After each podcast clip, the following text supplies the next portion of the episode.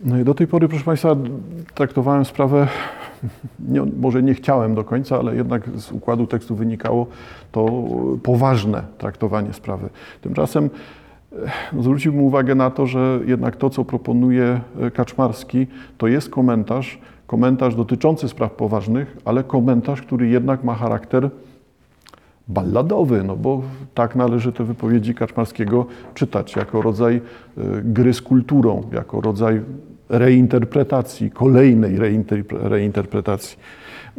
Wolę dlatego sięgnąć do tekstów, które podobnie dotyczą tego problemu ducha polskiego, duszy polskiej, problemu ścierania się Polaka i Rosjanina w głowie mieszkańca naszego kraju.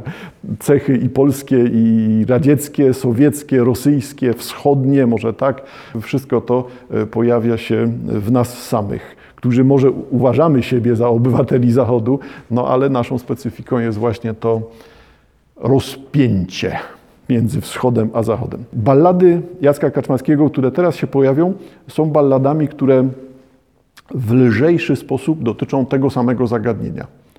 Może w lżejszy sposób ze względu na to, że rzeczywiście ballady, bo tak chyba będzie najbliżej temu gatunkowi, to będą teksty, które oparte są na fabułkach, szczególnie tekst Przyjaciele czy tekst Krowa, ale też te elementy fabuły jak najbardziej odnajdziemy w kolejnym tekście, a sięgnę jeszcze do tekstu Spotkanie w porcie. Czyli tekst Karpalskiego Przyjaciele. Tekst, który Kaczmarski opatruje uwagą, że jest to według tekst według Wiktora Woroszylskiego, czyli na podstawie tych motywów, które obecne są już w twórczości innego literata, Wiktora Woroszylskiego. I mamy opowieść o przyjaźni. Raczej czytelne od razu staje się, że to jest opowieść o przyjaźni pomiędzy Polakiem a Rosjaninem, a dokładnie między żołnierzem Ludowego Wojska Polskiego i żołnierzem Armii Sowieckiej. I to w tekście mocno nam już ograniczy jakby samą fabułę, czy dopowie samą fabułę, ale znowu będę się upierał przy tym, że chodzi tutaj o to napięcie pomiędzy cechami polskimi i cechami wschodnimi, pomiędzy byciem Polakiem a byciem Rosjaninem. Pytanie, które dla nas istotne, to jest właśnie to pytanie o to, na ile my jako Polacy jednak jesteśmy po stronie Zachodu, a na ile tkwimy we wschodzie. I w tym momencie, ile z nas samych jest po stronie Putina, a ile z nas samych jest po stronie Zachodu. I w to wszystko uwikłana wojna na Ukrainie. Fabułka czytelna. Czytamy u Kaczmarskiego. Żyło raz przyjaciół dwóch. Jeden mieli smak i słuch i na świat patrzyli takim samym wzrokiem. A na świecie wojna trwała, wojna ludzi rozdzielała, oni cało szli przed siebie równym krokiem. Czyli mamy wojnę, wojnę dzielącą ludzi i równo maszerujące dwie osoby, ale rozumiemy, że chodzi tutaj o oddziały, o armię. Mieli jeden smak i słuch, czyli mamy do czynienia ze Słowianami. Podobnie mówią, podobnie czują, a za chwilkę usłyszymy, że podobnie piją. No i mamy kolejną strofę. Razem naciskali spust, razem brali chleb do ust i do domów list pisali w jednej chwili. Walczyć wspólnie było raźniej, gdy wokoło krwawe łaźnie, a po łaźniach raźniej, kiedy razem pili. I to jest to, co pcha nas na wschód. To jest to, co różni nas od zachodu to, że Polacy i Rosjanie mają inne śmiertelne dawki, e, śmiertelne stężenie alkoholu we krwi, co też leksykony światowe nam podejmują i potwierdzają w różnych państwach. E, ale tymczasem to nie chodzi o samo pijaństwo, czy też te właśnie skłonności do alkoholizmu. Chodzi tutaj o to, tą duszę słowiańską, która tak przerażona sobą, światem, tak bardzo zamotana w tym, co wewnętrzne, w tym, co duchowe, żąda tego znieczulacza, jakim jest alkohol. Bo nie widzę w tym wcale jakiejś genetycznej zależności, że Słowianie muszą pić, tylko raczej chodzi o pewną mentalność, stan ducha, to co wewnętrzne, coś, co sprzyja temu, żeby chcąc uciec od przerażenia samym sobą i swoim wnętrzem, Słowianie właśnie wybierają alkohol. No oczywiście ja rozumiem, że nie chodzi tylko o Słowian, tak, no ale w naszym przypadku rozważamy wszak relację polsko-radziecką, czy polsko-sowiecką, polsko-rosyjską. Czyli pił. W tym ich mały dramat tkwił. Jeden pił i drugi pił. Lali w gardła, co popadło równocześnie, lecz choć razem wypijali, w jednej chwili zakąszali, jeden później się upijał, drugi wcześniej. I mamy tą różnicę jednak typową, bo Rosjanie na pewno mają mocniejsze głowy niż Polacy. Chociaż niby lądujemy w tej samej grupie, no to jednak Rosjanie mają o wiele więcej wprawy w piciu. Któryś z nich zobaczył raz słup, na który zaraz wlazł. Milczą dzieje, czy był trzeźwy, czy pijany. Wtem krzyk straszny przyjaciela, złaź zobaczą i zestrzelą, gdzie i po co, na dół złaź, na boskie rany. No, jednak będę widział w tym któryś, którymś, który wchodzi na ten słup e, Polaka. No bo sądząc z reakcji, no to jest typowa reakcja człowieka sowieckiego tego, który rozumie, że żyje w świecie przemocy, służb, nadzoru wszelkiego rodzaju, tajnego, jawnego. Każdy, kto zobaczy, że ktoś się wychyla, musi stracić głowę. Wobec tego ta reakcja taka, reakcja człowieka, który jest podporządkowany systemowi, no to jednak będzie reakcją sowiecką. Wobec tego w tej dezynwolturze, anarchii, włażeniu na słup y, widziałbym ewidentnie cechy polskie, nie sowieckie. I teraz mamy wypowiedź Polaka wobec tego. Czemu zaraz mam być trup? To jest bardzo dobry słup, żeby móc poszerzyć sobie horyzonty. Patrzę w górę i na boki i niekiepskie mam widoki, a poza tym sięgam wzrokiem ponad fronty. Zauważcie Państwo znowu, przewrotne, proste, bo balladowe, wobec tego takie właśnie brzmiące ludowo jak najbardziej, proste wypowiedzi, e, które jednak dotyczą cech wewnętrznych Polaków. Polacy wejdą na, ten, na każdy słup, pokonują każdą trudność. Polacy chcą się odróżniać, Polacy chcą być zauważalni, chcą być wyżej, dlatego że chcą poszerzać sobie horyzonty w ślad za tekstem. Polacy chcą się rozglądać po świecie, są ciekawi tego świata, tego, co rozgrywa się poza granicami i tego, co rozgrywa się ponad frontami, ponad konfliktami, tego, co będzie przyszłością. I na takie stanowisko Polaka pojawia się odpowiedź naszego człowieka sowieckiego czy też Rosjanina. Ale ja o ciebie drżę, złaś tu do mnie, błagam cię, woła druh, czyli ten nasz żołnierz krasnoarmiejec, i odbezpiecza broń w rozpaczy. Dla Twojego dobra przecież towarzyszę Ci po świecie. Dla mnie przyjaźń zawsze przyjaźń będzie znaczyć. Więc teraz mamy sytuację, w której żołnierz Armii Czerwonej grozi bronią Polakowi dla jego dobra. Zauważcie Państwo, że to jest stale ta sama dykcja. Aktualna inwazja Putina na Ukrainie jest w końcu pomocą braterską udzieloną narodowi ukraińskiemu po to, aby uwolnić naród ukraiński od nazistów. I to jest już najciekawsze. Tyle lat mija, a dalej trwa druga wojna światowa.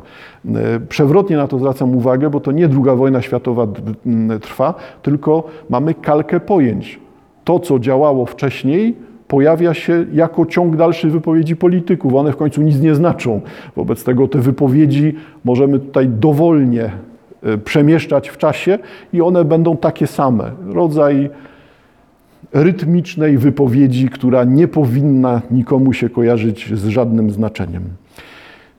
Czyli na razie mamy sytuację odbezpieczenia broni i w imię przyjaźni groźba zabicia tego, który się wyróżnia, tego, który chce być inny niż obóz, do którego należy. Polska miała zawsze tą specyfikę odmienną. Wszystko jedno, czy nazwiemy ją tą polską odmienność e, skłonnością do śmiania się, pewnie z przez łzy, no ale jednak skłonnością do śmiania się, ta Polska, najweselszy barak państw obozu warszawskiego, Układu Warszawskiego, e, no ale z drugiej strony jednak jest to ta odmienność Polski również w pomysłach, tak niech będzie, gospodarczych, które pojawiają się po II wojnie światowej, no szkoda, że pomysłach zwykle nieudanych. Niestety puenta tego tekstu jest pesymistyczna. Strzał następuje, czy też seria następuje.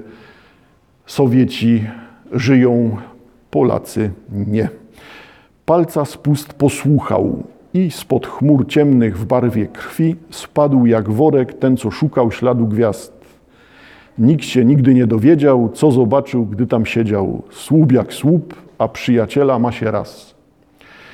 E, pytanie, które, pytanie, sytuacja, sprawa, na którą zwraca tutaj uwagę Kaczmarski, jest to to pytanie o wieczną przyjaźń polsko-radziecką, bo taka towarzyszyła nam przez kilkadziesiąt lat, zapadła wszystkim w pamięć. Przyjaciela ma się raz, no bo ile razy można w tą przyjaźń wierzyć? Znowu wracamy do manipulacji języka polityki, języka pozbawionego całkowicie znaczeń. Przyjaciela ma się raz. Powinniśmy się nauczyć, że tego przyjaciela nie ma. Ile razy można się rozczarować? Mówię o tym w kontekście tego, ile razy można wierzyć Putinowi, ile razy można wierzyć w deklarację Rosji. Powinniśmy się tego nauczyć wcześniej. Czyli teksty, które znowu są tekstami z lat 80., z lat 80 powiązanymi mocno z ówczesną sytuacją, ale te sytuacje są tak stereotypowe, że one powielają się i powielają się do dzisiejszego dnia. E, podobnie lekki, anegdotyczny, balladowy właśnie e, tekst Krowa. No już sam tytuł wskazuje nam na ludową proweniencję utworu. E, Kaczmarski. Gdzieś na wiosnę front już przeszedł, chłopcy przeszli w trop, poszli w trop, mnie w lesie Chłop rannego znalazł i się ulitował. Mamy sytuację typową dla tego, co dzieje się w Polsce. Część tajnych, konspiracyjnych sił staje po stronie Związku Sowieckiego, część zaczyna się ukrywać, ponieważ ci ludzie są wyłapywani z kolei przez Sowietów i zabijani bardzo często. No to mamy taką sytuację ukrywającego się żołnierza, konspiratora, partyzanta. Mnie w lesie chłop rannego znalazł i się ulitował. Młody był i niebogaty ów chłop. Trochę traw, coś na kształt chaty, czyli ma jakąś zapuszczoną łąkę i ma coś, co przypomina przy naszej dużej dobrej woli dom, coś na kształt chaty. A w oborze jedna zabiedzona krowa, czyli chłop żyje z jednej krowy, która mu wiele w tym nie pomaga, skoro zabiedzona. I wracamy do punktu widzenia, do wypowiedzi naszego ukrywającego się partyzanta. Leżę w słomie, liże rany, wtem chłop wpada zastrachany. Idą ruskie, woła, ale od zachodu. Cóżeś taki niespokojny, nasz partyzant, cóżeś taki niespokojny, może to już koniec wojny, albo władzę przysyłają dla narodu, czyli tą władzę przyniesioną przez Sowietów. Druga strofa, e, kolejna strofa. Podchodzimy na skraj lasu, a tam ruskie krowy pasą. Stado z tysiąc sztuk dorodne, zdrowe mleczne. Skoro trawę żre pod strażą, znać do Rosji je prowadzą. Spod Poznania więc zdobyczne po niemieckie. W tle pojawia się znowu masę rzeczy, tak? chociażby to, co dzieje się z terenami Polski, które tereny są polskie, a które tereny są poniemieckie, którą ludność można traktować jako ludność niemiecką, a którą ludność jako tą polską, czyli z jakąś taryfą ulgową, gdzie można grabić, a gdzie można, może trzeba mniej grabić. No to są wszystko te napięcia związane, napięcia, sytuacje związane e, z tym, co dzieje się na ziemiach polskich, i rozumiem tu uwikłanie Poznania i z pytaniem o cały ten pas ziemi zachodnich, to w końcu polskich czy nie. Znać do Rosji je prowadzą spod Poznania, więc zdobyczne po niemieckie. I nasz y, główny opowiadacz teraz. Słuchaj, mówię, coś tak czuję, że, to sobie, że tu sobie pohandlujesz. Idź po bimber, coś go za oborą schował. Ruski nie zje, a wypije, więc e, a to bydło jest niczyje. Przecież przyda się w oborze druga krowa. Czyli jak za bimber dostać krowę i poprawić sytuację życiową biednego chłopa. Idzie chłop i mowa krótka. Wódka, krowa, krowa, wódka. No bo trzeba się jakoś tutaj dogadać, nawet jeżeli to dogadanie się jest dogadaniem na migi. Ale strażnik z karabinem nie powiada. Jak się krowy nie doliczą, to pod mur postawią z niczym. Nam się cisło, czyli liczba musi zgadzać. Chłop pomyślał i zaradził. Chudą krowę przyprowadził, dodał bimber i zamienił ją na tłustą. Mało ryczy, mleko daje, chłop się cieszy, a ja wzajem. Żeśmy krową świnie podłożyli ruską. Bardzo zgrabna jest ta metafora w tekście, oparta na frazeologizmach, tak na grze y, znaczenia słów plus frazeologizm. Y, krową podłożyć świnię ruską. Jeszcze dobrze nie strzeźwieli, do zagrody przylecieli, krowę w łańcuch, nie na muszkę, chłop pobity. Tak napili się za darmo, odzyskali wielno, własność armii i wykryli na dodatek skron bandyty. Dziesięć lat ich kraj zwiedzałem. I tu mamy konsekwencje. Sowieci zyskują bimber, odzyskują krowę, chłop i partyzant zostają przejęci czy aresztowani, jeżeli chcemy tak, i mamy konsekwencje. Dziesięć lat ich kraj zwiedzałem. W jedenasty rok na stałe powróciłem tu, gdzie z nimi handlowałem. I to jest ta pierwsza konsekwencja. Po dziesięciu latach powrót w to miejsce, gdzie został aresztowany nasz żołnierz partyzant. Chłopu poszło nie tak gładko. Żyje ponoć pod, pod Kamczatką. W każdym razie już go więcej nie widziałem. A chłop znika, zaczyna być w tym momencie jednym z całej tej naszej zesłańczej tradycji. Trafia w głąb Rosji. Nasza krowa jakby zgadła, co ją czeka, szybko padła, nim przegnali ją na tamtą Bugu stronę. Pogrzeb miała uroczysty, w ziemi bliskiej, bo ojczystej leżą kości jej starannie ogryzione. I podobnie jak w tekście Przyjaciele, yy, widziałbym tutaj owszem yy, lekkość, anegdotyczność, historyjkę z życia wziętą, jakich wiele, bo takich, takich sytuacji wiele możemy znaleźć, yy, ale jednocześnie widziałbym w tym znów ten wymiar poza historią, czyli na czym polega to napięcie pomiędzy racjonalizmem a irracjonalizmem, tym podporządkowaniem układowi, podporządkowaniem systemowi, znalezieniem się w obrębie tego systemu, który proponują Sowieci, a na ile nie wiem, relacje handlowe, na ile e, racjonalizm, czy też założenie, że ludzie jednak są dobrzy i powinni sobą współpracować, powinni szanować układy o charakterze ekonomicznym, handlowym, e, na ile coś takiego ma znaczenie. No, te napięcia właśnie, czy pierwszy milion należy ukrać, czy pierwszy milion należy wypracować przez kilka pokoleń, no to jest znowu coś, co jak w zbliżeniu pokazuje ową polską duszę, dziwną duszę, dziwne wnętrze. Podobnie potraktowałbym tekst Spotkanie w porcie. Tekst nie dotyczy bezpośrednio Polski, ale dotyczy relacji wschód-zachód. Znowu pokazywanej w dużym zbliżeniu, pokazywanej w pewnej fabułce, ale to nic innego jak zestawianie cech. Czym jest ta część wschodnia, ten duch wschodni, wnętrze wschodnie, wschodni model bycia człowiekiem, a czym jest ten model zachodni. I na czym to wszystko polega? Czy to jest rodzajem gry, również tej gry językowej? Bo w ten sposób będzie rozgrywało to się w tekście e, Kaczmarskiego. E, tekst Spotkanie w porcie. Będzie już na początku wynikało nam jasno, w którym miejscu jesteśmy, w którym miejscu świata i jaka to fabuła. W Amsterdamie statek nasz na wyładunku był. Człowiek do roboty nie miał nic, więc w porcie pił. Piję, po obcemu nie rozumiem, nudzę się, kiedy jakiś czarny siada koło mnie. I mamy rosyjskiego, sowieckiego marynarza, który w Amsterdamie z nikim się dogadać nie potrafi, więc pije pewnie w jakiejś tawernie e, portowej. Jakiś czarny siada koło mnie. I zaczyna nam się starcie światów tutaj pojawiać. Ameryka mówi do mnie, zrozumiałem. Rozejrzałem się i mówię, Sawiecki Sojus. Zauważcie Państwo, że tutaj od razu są pewne e, sygnały, które są czytelne dla człowieka, który rozumie tą różnicę, rozumie różnicę między wschodem a zachodem, e, widzi gdzie są ukryte znaczenia. Obawiam się, że bez tej świadomości nie da się tego tak hmm, jasno zobaczyć, czy nie jest to tak oczywiste. Y, nasz czarny przedstawia się od razu, przedstawia się swoim pochodzeniem. Jestem Amerykaninem, jestem z Ameryki.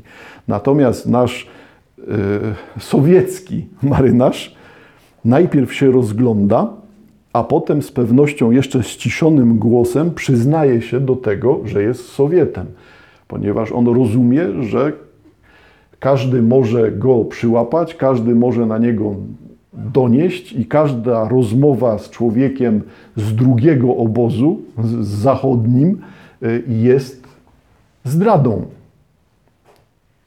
I to jest coś, co jest specyfiką tego myślenia totalitarnego, specyfiką homo sovieticus. Ona jest zrozumiała w realiach polskich, nie jest zrozumiała poza Polską.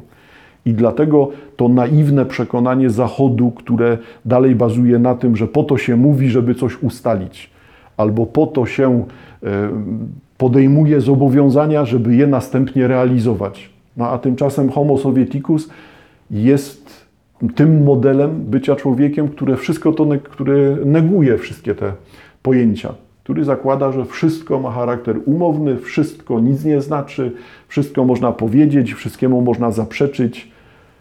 Argument siły najważniejszy. No więc przedstawia się po rozejrzeniu, rozejrzałem się i mówię Sowiecki Sojusz. Soviet Union, on się cieszy, ja do pełna mu nalałem, jak raz swoich nie było, więc był pełny luz. I tutaj zauważcie Państwo, co jest grane. Jak raz swoich nie było. Znowu, dla człowieka orientującego się w homo sovieticus, w tym modelu, jest to czytelne. Przy swoich jesteśmy inni niż sami. Wiem, że wszyscy po mojej stronie ludzie żyjący będą tymi, którzy wystąpią przeciwko mnie. Wszyscy mnie mogą zniszczyć. Wszyscy chcą zarobić na donosie na mnie.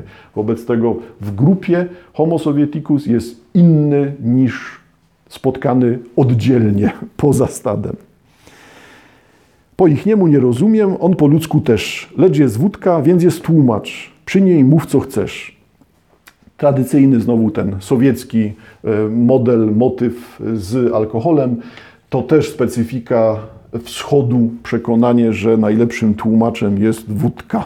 Przy wódce zawsze wszystko e, załatwisz, a bez wodki nieraz bieriosz. No to w takim razie ciągnijmy tekst. Postawiłem po 100 gram, niech negr widzi, że gest mam. Jemu przecież w Ameryce ciężko jest. I znowu mówimy o czymś, co jest chyba nieczytelne.